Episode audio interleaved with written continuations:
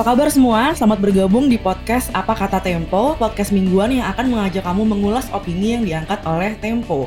Uh, balik lagi bersama saya Zasi Regar dan ada juga Mas Arif Zulkifli. Halo Mas. Hey Lisa, apa kabar? Rame nih ya Mas minggu ini ya. Selalu rame.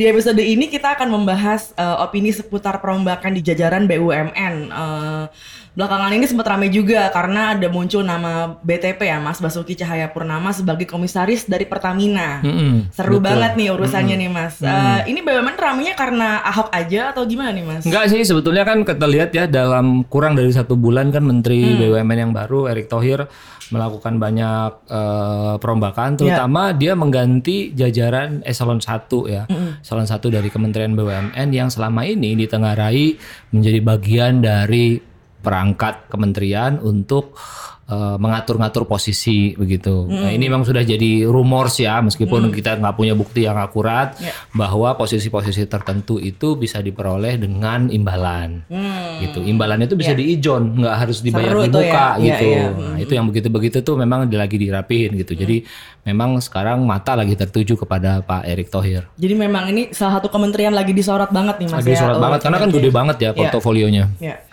Uh, mungkin kalau uh, Lisa mau ini juga nih mau ngasih background sedikit tentang uh, Kementerian BUMN ini kan badan usaha uh, milik negara yang modelnya tuh dipunyain sama negara gitu. Jadi uh, pendanaannya diambil dari APBN. Jadi itu uang uang pajak kita juga gitu. Uh, itulah kenapa sebenarnya kita mesti menaruh perhatian pada badan usaha yang satu ini gitu supaya dikelola lebih transparan dan juga menguntungkan. Uh, jadi bayangin aja sebenarnya total aset BUMN itu hampir mencapai 8.200 triliun rupiah. Gila ya mas, gede banget ya. Betul, betul Jadi kalau sampai salah urus, eh, memang itu urusannya panjang ya mas ya. Betul. Kamu tahu dividen yang dibagikan di BUMN itu berapa? Berapa mas? 43 triliun. Wih. Itu yang dibagikan untuk membayar dividen para komisaris dan direksi. Jadi emang gede banget. Hmm, oke. Okay. Jadi nanti uh, kita membahas opini ini yang ada di majalah Tempo ya mas ya. Iya. Uh, yang berjudul uh, momentum bersihkan BUMN. Wah, iya. berarti ada yang kotor. iya begitu. Asumsinya begitu. iya, as asumsinya begitu. Ada yang kotor karena jadi harus dibersihkan. Ini kalau berdasarkan sumber Tempo, uh, masuknya Ahok dan mantan komisioner KPK Chandra Hamzah ya ke perusahaan BUMN adalah tahap awal dari uh, bersih-bersih uh, dari Pak Erick Thohir ini gitu loh. Nanti uh, kita langsung tanya aja ke Mas Azul, sebenarnya permasalahan di BUMN itu sebenarnya sudah separah apa sih Mas sampai harus ada bersih-bersih gitu? Seperti yang saya katakan tadi ya. Yeah. Jadi uh, di periode yang lalu hmm. itu muncul spekulasi atau hmm. tuduhan atau rumors yang mengatakan bahwa uh, di, penempatan orang dalam posisi tertentu itu tidak berdasarkan sebuah merit system yang bagus gitu ya. Jadi uh, orang ditaruh di situ karena kedekatan, ya. orang ditaruh di situ. Nah ini yang agak mengerikan, bayar. Hmm. Nah itu sinyalemennya. Bayar ya. lewat siapa? Lewat sejumlah uh, orang di jajaran eselon 1. Itu yang disebab hmm. yang menyebabkan Erik mengganti seluruh dari eselon 1 itu ya, dari sekretaris menteri, uh, deputi dan sebagainya. Dan dia diuntungkan dengan struktur baru yang menempatkan dua orang wakil menteri. Jadi hmm. dia ada alasan. Wakil menteri itu nanti overlap pekerjaannya dengan para deputi gitu. Hmm. Jadi deputinya itu yang di pindah-pindahin memegang masih memegang BUMN juga, hmm. tapi kemudian dalam pengelolaannya dia dibantu oleh dua orang. Nah dua orang ini memang dikenal uh, sebagai orang-orang yang profesional ya. Satu hmm. adalah Pak Budi Sadikin, yeah. Ya. uh, sebelumnya adalah Direktur Utama Bank Mandiri, lalu kemudian menjadi uh, Direktur Inalum. Uh, Budi Sadikin dalam pemerintahan periode pertama dianggap punya jasa yaitu menggolkan uh, proses uh, pengambil alihan Freeport ya da 50% saham uh, itu jatuh kembali ke Indonesia itu lewat jasanya Pak Budi Sadikin. Hmm. Nah yang kedua adalah Pak Tiko Kartiko hmm. itu sebelumnya adalah direktur utama Bank Mandiri. Gitu. Hmm. Nah ini ini anak-anak muda nih, anak-anak muda yang segar, yang punya gagasan begitu. Nah diharapkan uh, Pak Erik bersama dua orang uh, wakil menterinya ini uh, bisa melakukan terobosan-terobosan yang bisa menyehatkan BUMN kita. Hmm. Mas ini kan utang-utang di BUMN ini kan uh, kabarnya juga bengkak banget nih Mas ya. Jadi uh, berhubungan dengan proyek gila-gilaan infrastruktur di era Jokowi itu. Menurut Mas Azul gimana tuh Mas? Masalah utang-utangnya BUMN. Begini, jadi uh, memang Pak Jokowi di periode pertama itu kan betul-betul ingin melakukan gebrakan dan terobosan dalam hal pembangunan infrastruktur ya. ya karena dia punya asumsi bahwa ekonomi hanya bisa digerakkan jika infrastrukturnya bagus. Ini sebenarnya meniru Cina. Cina itu sejak tahun 80-an ketika mereka melakukan uh, reformasi ekonominya itu uh, menggebrak dengan membuat infrastruktur yang bagus-bagus gitu. Saya pernah suatu ketika tuh pergi ke suatu daerah di namanya uh, provinsi namanya Sining. Sining itu hmm. uh, Cina bagian barat itu sudah hampir dekat Tibet gitu itu punya jalan tol yang bagus, punya ruang pamer yang bagus, punya macam-macam infrastruktur. Tapi kita lihat kalau kita jalan-jalan ke kota begitu, orang jalan-jalan tuh pakai jaket bertambal gitu. Hmm. Jadi masyarakatnya itu masih sangat miskin, tapi infrastrukturnya digeber gitu. Nah itu yang kelihatannya memberi inspirasi buat Pak Presiden. Nah persoalannya adalah dalam hal pembiayaan, Pak Presiden tuh uh, kepengen sedapat-dapatnya dilakukan tidak dengan menggunakan uang dari uh, uang APBN hmm. gitu. Nah, itu tidak selalu bisa begitu dan karenanya kemudian itu dia mengandalkan pada BUMN instead of swasta gitu. Jadi BUMN-nya yang dikejar. Nah, BUMN tentu saja uh, menjalankan tugas itu meskipun dengan kondisi keuangan yang morat-marit gitu. Nah, sekarang menurut saya menteri baru di Kementerian BUMN di sini ditantang. Hmm. Bisa nggak dia mengingatkan presiden atau mengingatkan pemerintah agar lebih rasional dalam mengelola uh, BUMN ini. Di satu pihak ada obligasi untuk bikin jalan tol, bikin pelabuhan, bikin macam-macam, tapi di pihak lain juga mempertimbangkan keuangan dari uh, uh, apa namanya badan usaha milik negara, terutama di bidang uh, infrastruktur ya. Hmm. hmm, hmm. Jadi sekarang uh, Tempo sebenarnya lagi mengapresiasi langkah-langkah dari Pak Erick Thohir ya, Mas Azul? Saya kira iya ya. Saya kira sampai dengan yang terbukti sebaliknya ya, sampai dengan terbukti sebaliknya, maka kita Tempo pada dasarnya kan mendukung uh, upaya-upaya perbaikan ya, ya uh, hmm. di, uh, yang dilakukan oleh pemerintah gitu. Jadi nggak selalu uh, memandang dari sisi negatif. Tapi ya. kesannya ini nih Mas, uh, agak mempermasalahkan ada staf khususnya nih, uh, Arya Pak Arya Sinulinga. Nah ini ini memang kita mention ya di dalam opini Tempo itu sebetulnya itu adalah sebuah contoh, salah satu contoh saja bagaimana uh, Erik Pak Erik Thohir itu memang berhadapan dengan sebuah kenyataan bahwa politik itu bisa ikut bermain gitu ya. hmm. ya, ikut bermain dan bagaimana dia bisa mungkin itu adalah sebuah hasil negosiasi gitu ya. Oh ya staf khusus aja deh misalnya gitu. Ketimbang posisi yang lain misalnya begitu. Kita juga nggak pernah tahu gitu. Nah ini ya yang yang contoh kecil ya, contoh kecil. Uh, tentu saja kita dalam posisi Tempo berada dalam posisi yang mengingatkan. Tempo dalam posisi yang normatif gitu. Kalau lu mau benar-benar perbaikin, lu mesti ambil orang profesional dan lepaskan uh, segala apa namanya uh, permintaan permohonan dari orang-orang yang tidak profesional untuk masuk begitu. Nah, yang kita lihat kan sekarang uh, misalnya uh, kami dengar uh, kementerian itu mendapatkan banyak sekali proposal dari berbagai stakeholder baik partai, organisasi sosial masyarakat untuk memasukkan orang-orang titipan mereka ke dalam dalam BUMN BUMN. Sekarang ini kan ada 180 sekian BUMN. Jadi kalau masing-masing itu kira-kira ada 6 gitu ya, 6, 6 direksi, maka kira-kira ada 700 sampai 800. Nah, 700 sampai 800 itulah yang sekarang di, diperebutkan gitu. Nah, saya lihat di minggu-minggu pertama Pak Erik jadi uh, menteri, dia memberikan gestur, mencoba memberikan gestur yang baik, yaitu dengan mengumumkan secara terbuka Ahok, gitu kan. hmm. kan. Jadi dia pengen ngasih uh, apa ya, ledakan di awal gitu. Yeah. Terus ada lagi Chandra Hamzah gitu ya, iya. orang-orang yeah. yang hmm. uh, kredibilitasnya hmm. tidak diragukan gitu. Yeah. Jadi dia saya membayangkan dia sedang berusaha mengambil hati publik gitu. Tapi hmm. kita coba lihat nanti uh, misalnya hmm. PLN gitu. Hmm. Ya, PLN uh, yang sudah muncul namanya adalah Pak Rudiantara yeah. gitu. Tapi wakil menterinya saya dengar akan memasuk dari partai politik. Hmm. Nah, begitu. Sorry, wakil direktur utama di PLN-nya misalnya hmm. gitu. Nah, bagaimana dengan yang lain gitu. Jadi hmm. saya lihat tinggal kita lihat aja battle-nya gitu. Um, Mas Azul, ini kan kalau kita ngomongin soal Pak Ahok dan juga Pak Chandra Hamzah ini kan mungkin kira-kira mereka adalah sosok yang tepat itu, Mas, untuk memimpin jabatan BUMN gitu ya. Tapi sebenarnya uh, dari Tempo sendiri melihat rekam jejak mereka berdua itu gimana sih, Mas? Ahok orang yang baik dengan segala kontroversinya, hmm. ya. Dia hmm. punya berbagai kontroversi, tapi tidak ada bukti yang kuat dan meyakinkan bahwa dia aneh-aneh, misalnya begitu ya. hmm. ya. Sehingga kalau dia dimasukin ke situ, diharapkan bahwa dia akan membawa aura perubahan. Tapi lagi-lagi nih sekarang uh, selalu kan uh, politik elektoral itu menguasai percakapan publik ya. Mm. Jadi orang nggak ngomongin Ahok sebagai apa namanya komisaris. Yeah. Pertamina, tapi orang ngomongin Ahok sebagai mantan gubernur gitu. Selalu kan perangnya begitu dan itu menyebalkan yeah. menurut saya gitu. Yeah, Selalu yeah. begitu. Nah, e, mestinya kan itu diapresiasi saja begitu, nggak usah dikait-kaitkan dengan yang macam-macam.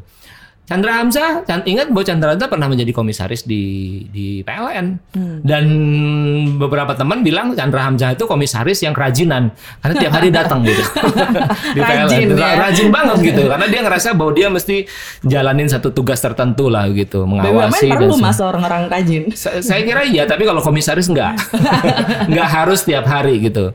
Nah yang lain adalah Uh, komisaris itu nggak bisa jadi ukuran loh ya. bahwa ya betul bahwa mungkin ada ada gestur yang baik dari Pak Erik tapi itu nggak bisa jadi ukuran hmm. karena komisaris itu kan bukan eksekutor hmm. yang eksekutor itu direksi gitu bahwa dia bikin pengawasan iya dia bikin report iya tapi bukan dia yang mengambil uh, keputusan eksekusinya gitu ya. nah makanya menurut saya tinggal kita lihat nih penempatan-penempatan berikutnya di BUMN BUMN terutama BUMN yang besar hmm. gitu. Mas menurut Mas uh, Azul kenapa sih Ahok ini cocok untuk di Pertamina dan uh, ini kan kalau Pak Chandra Hamzah ditaruhnya di Bank BTN gitu ya. Yeah. Kenapa di posisi-posisi ini menurut Mas Azul gitu? Ya menurut saya sih kalau Ahok sih karena sosoknya apa uh, high profile yeah. di perusahaan yang high profile juga hmm. gitu loh. Jadi jadi saya lebih melihat itu sebagai gestur baik dari yeah. Ya. uh, menteri yang baru gitu gitu loh. Hmm. Oh, saya taruh orang ini gitu. Hmm. Mungkin di dalamnya juga ada titipan, ada apa, hmm. tapi sekali lagi sepanjang itu dimaksudkan untuk mencapai satu tujuan yang bagus, yang baik, mestinya sih tidak ada persoalan. Hmm. Kalau dengan Pak Chandra Hamzah Mas di Bank BTN? Sama, Chandra tuh saya kenal baik kan. Chandra, yeah. Chandra tuh orang orang lurus saja gitu, uh, taktis yeah. berpikirnya, orang lurus. Uh, pernah jadi komisarisnya PLN gitu, meskipun kemudian cuma setahun karena hmm. disingkirkan oleh Eh, direksi yang baru gitu. Dan dia tahu persis uh, apa namanya bagaimana penerapan good corporate governance ya. Hmm. uh, tata laksana pemerintahan yang baik itu dia tahu bagaimana prakteknya dan bagaimana prinsip-prinsipnya. Jadi menurut saya cocok lah di situ dan dia dipasangkan dengan Pahala kan yeah. nah Pahala ini juga bekas orang Bank Mandiri gitu pernah menjadi direktur utama uh, Garuda gitu Pahala juga menurut saya orang yang yang yang meyakinkan dari amal kredibilitas dan profesionalismenya. Tapi kan Ahoknya ditolak ya mas, ditolak oleh uh, Serikat Pekerja Pertamina gitu karena dianggap tidak cocok. Maksudnya mungkin karena perangainya yang keras atau gimana orang takut gitu untuk uh, dealing dengan Pak Ahok. Ini. Iya. Ini kira-kira gimana nih mas? Ini sinyal awal yang buruk nggak sih dari dari orang-orang dalam di Pertamina? Menurut saya gitu? tantangannya di situ, hmm. tantangannya masuk ke dalam pemerintahan meskipun itu BUMN begitu adalah bukan sekedar membuat BUMN itu menjadi baik, tapi bisa bekerja sama dengan orang-orang di dalam gitu. Hmm. Nah ini menurut saya tantangannya. Kalau Ahok mau main gerabak gerubuk kan kayak dulu ya. begitu kan, nah itu itu nanti mungkin akan ada persoalan. Tapi sekali lagi kan Ahok bukan direksi, hmm. gitu. Nanti ya. kita lihat direksinya. Itu yang menurut saya lebih penting. Itu yang lebih harus itu kita yang lebih penting ya. karena di situ kan kebijakannya ada di situ semua. Hmm. Jangan ntar Pak Ahok curhat lagi katanya hidupnya ditolak mulu. uh, kalau kita ngomongin soal BUMN nih Mas ya, uh, kan Tempo menyebut BUMN sebagai perusahaan sapi perah. Uh, bahkan ada yang lebih-lebih jabatan. Kalau di edisi kali ini temuannya apa nih, Mas? Uh, karena kita masih lihat di periode awal ini kan hmm. kira-kira baru sebulan setelah yeah. pemerintahan baru terbentuk, kita yeah. memang belum melihat ada uh, negosiasi-negosiasi yang mengarah pada sesuatu yang buruk. Hmm. Karenanya kita mau dahuluin dengan ngambil satu posisi tertentu, hmm. mengingatkan Menteri Erick Thohir, mengingatkan teman-teman di BUMN, termasuk Presiden sendiri bahwa hmm. kita sedang mempertaruhkan perusahaan negara yang gedenya minta ampun yep. begitu kan. Jadi kita ingetin gitu. Nah, hmm. kita lihat perkembangannya. Hmm. Tadi saya cerita tentang PLN misalnya gitu ya. PLN Pak Rudiantara. Ah, Pak Rudiantara pernah di PLN sebelumnya sebagai menteri juga not bad gitu ya. Hmm. Jadi tinggal kita lihat bagaimana bagaimana dia nanti mengontrol. Tapi kalau wakil menteri yang saya disinyalir dari partai politik itu masuk, yeah. menurut saya di sini ada intervensi politik yang hmm. tidak bisa ditolak oleh Pak Erick Thohir. Nah, ini menurut saya nih lampu kuning harus menyala ya. nih. Hmm. Media harus berani ngingetin gitu. Hmm. hmm, hmm. Eh, ini ini kita bertaruh nih, ada program yang begitu gede 35 ribu megawatt dan sebagainya. Ada utang yang begitu besar, ada proyek-proyek obligasi dari pemerintah juga yang tidak kecil. Itu semua mesti dijalankan dengan benar dengan logika bisnis gitu, logika bisnis yang benar dan nggak boleh dengan titipan-titipan dari kepentingan-kepentingan politik gitu. Hmm. Kalau itu terjadi hancur lagi ntar. Hmm. Memang kalau ini kan karena kinerjanya baru awal kali ya, baru sebulan memang positioning media tuh masih masih lihat-lihat dulu kali Mas ya Betul. untuk untuk kayak Betul. uh, karena kan mungkin ini periode kedua dari presiden yang sama gitu tapi menterinya ganti jadi mungkin baru lihat-lihat uh, kira-kira ini langkah awalnya gimana gitu, baru menilai-nilai di awal. Betul. Kalau yang di- juga ini loh, Lisa, yang Ya. juga penting nanti kita lihat bagaimana dia menempatkan orang-orang di BUMN BUMN BUMN yang bukan sekedar mencorong atau Hmm. gede dalam hal aset seperti BRI, Mandiri, tapi juga yang rugi. Nah, ini juga Hmm. menjadi, menjadi persoalan karena dia Ya. akan menggerogoti kinerja dari BUMN secara keseluruhan gitu. Eh, Jiwasraya misalnya, Ya. nah Jiwasraya ini lagi problem nih. Nah, gimana dia menyelesaikan menghandle itu semua? Krakatau Steel juga minus, ya kan? Nah, bagaimana itu? Eh, Direktur Krakatau Steel yang sekarang kan sudah memulai dengan memotong tenaga kerja apa SDM yang berlebihan yang tidak efektif. Meskipun kita tahu akibatnya adalah demo besar-besaran di sana di di Tangerang sana, ya kan? Nah, jadi itu itu eh, beberapa PR besar lah, Bulog ya, eh, PT PAL, PT Dirgantara eh, dan seterusnya. Nah itu semua juga hal yang harus diperhatikan. Jadi cuma jangan cuma ge- ngelihat yang yang gede-gede aja. Jangan cuma yang high profile kayak Yang high Pertamina. profile tadi gitu. Eh, tapi kalau misalnya dibandingin sama Menteri Rini gitu ya, Mas, apa gimana eh, Tempo melihat upaya eh, Pak Erick Thohir di awal di masa-masa awal ini gitu? Saya lihat Rini punya problem komunikasi yang serius ya. Dia tidak diterima oleh DPR, selalu diwakilkan. Eh, agak susah untuk eh, Kementerian BUMN itu bekerja tanpa partner, tanpa berhubungan dengan baik dengan partnernya di Senayan gitu. Nah ini kita di media berharap bahwa Pak Erik bisa mengatasi itu semua gitu, karena tanpa persetujuan dari eh, DPR berbagai hal itu akan menjadi kendala begitu. Nah, yang kedua adalah beberapa ide eh, yang ada kesan dipaksakan di periodenya Rini, yaitu membuat super holding, gitu ya. Ini juga eh, sudah lama kita eh, mewaspadai eh, apa namanya kemungkinan-kemungkinan buruk dari sebuah proyek yang dipaksakan yang namanya super holding ini. Super holding ini kan maunya kayak Singapura ya, maunya kayak Singapura, Temasek begitu, atau juga eh, Malaysia gitu. Tapi yang jelas sangat berbeda adalah struktur dari perusahaan-perusahaan itu, lalu sebarannya, lalu besar negaranya dan sebagainya gitu. Belum lagi berbagai kepentingan yang bermain di dalam BUMN yang ada di kita. Jadi tidak segampang itu. Gitu. Jadi yang kita dengar adalah eh, cita-cita untuk membuat super holding itu harus ditinggalkan, eh, akan ditinggalkan oleh Pak Erik karena bukan itu sebetulnya yang penting. Dan itu kita setuju pada Erik Thohir. Eh, Mas tadi kan eh, Mas Nasul sempat menyinggung juga kalau kita ini jangan fokus ke yang high profile aja gitu, tapi juga yang lain-lain juga ada beberapa nama yang merugi gitu ya. Tapi sebenarnya Tempo udah dapet ini nggak boleh nggak bagi-bagi? Udah dapat bisik-bisik yang itu Mas yang kira-kira selanjutnya bakal siapa gitu, bakal apa? Ya sekarang masih masih terus ya, Iya. masih terus eh, terjadi anu lah tarik ulur da- dalam penempatan-penempatan ini. Saya katakan tadi ada sekitar 700-an eh, posisi di BUMN ini yang mulai April tahun depan sampai seterusnya itu akan terjadi RUPS RUPS pergantian-pergantian. Nah, Pertama adalah apakah Menteri Erik bisa mengidentifikasikan, mendapat peta yang jernih dan jelas tentang siapa, di mana, dan bagaimana kerja mereka selama ini dalam memimpin BUMN-BUMN. Besar maupun kecil, strategis maupun tidak strategis, untung maupun rugi. Dia harus punya peta yang jelas. Kedua, dia mesti memetakan eh, siapa kandidat-kandidat. Nah, di sini saya sudah cerita tadi bahwa banyak ormas, partai politik mengajukan proposal dan membawa nama-nama untuk diisi dalam posisi tertentu gitu. Saya tidak alergi terhadap orang-orang dari kelompok ormas ataupun partai politik, tapi bas- basisnya adalah basis kemampuan. Mampu nggak orang-orang ini? Dan itu asesmennya harus asesmen profesional gitu loh, nggak bisa titipan dia dulu apa namanya eh, berkeringat ketika pemilihan presiden, dia dulu bantuin pendanaan itu nggak bisa. Kalau dia pakai itu maka sebetulnya pemerintah sedang membawa atau membiarkan BUMN kembali ke era yang lama-lama yaitu eh, dipakai sebagai sapi perah tadi gitu.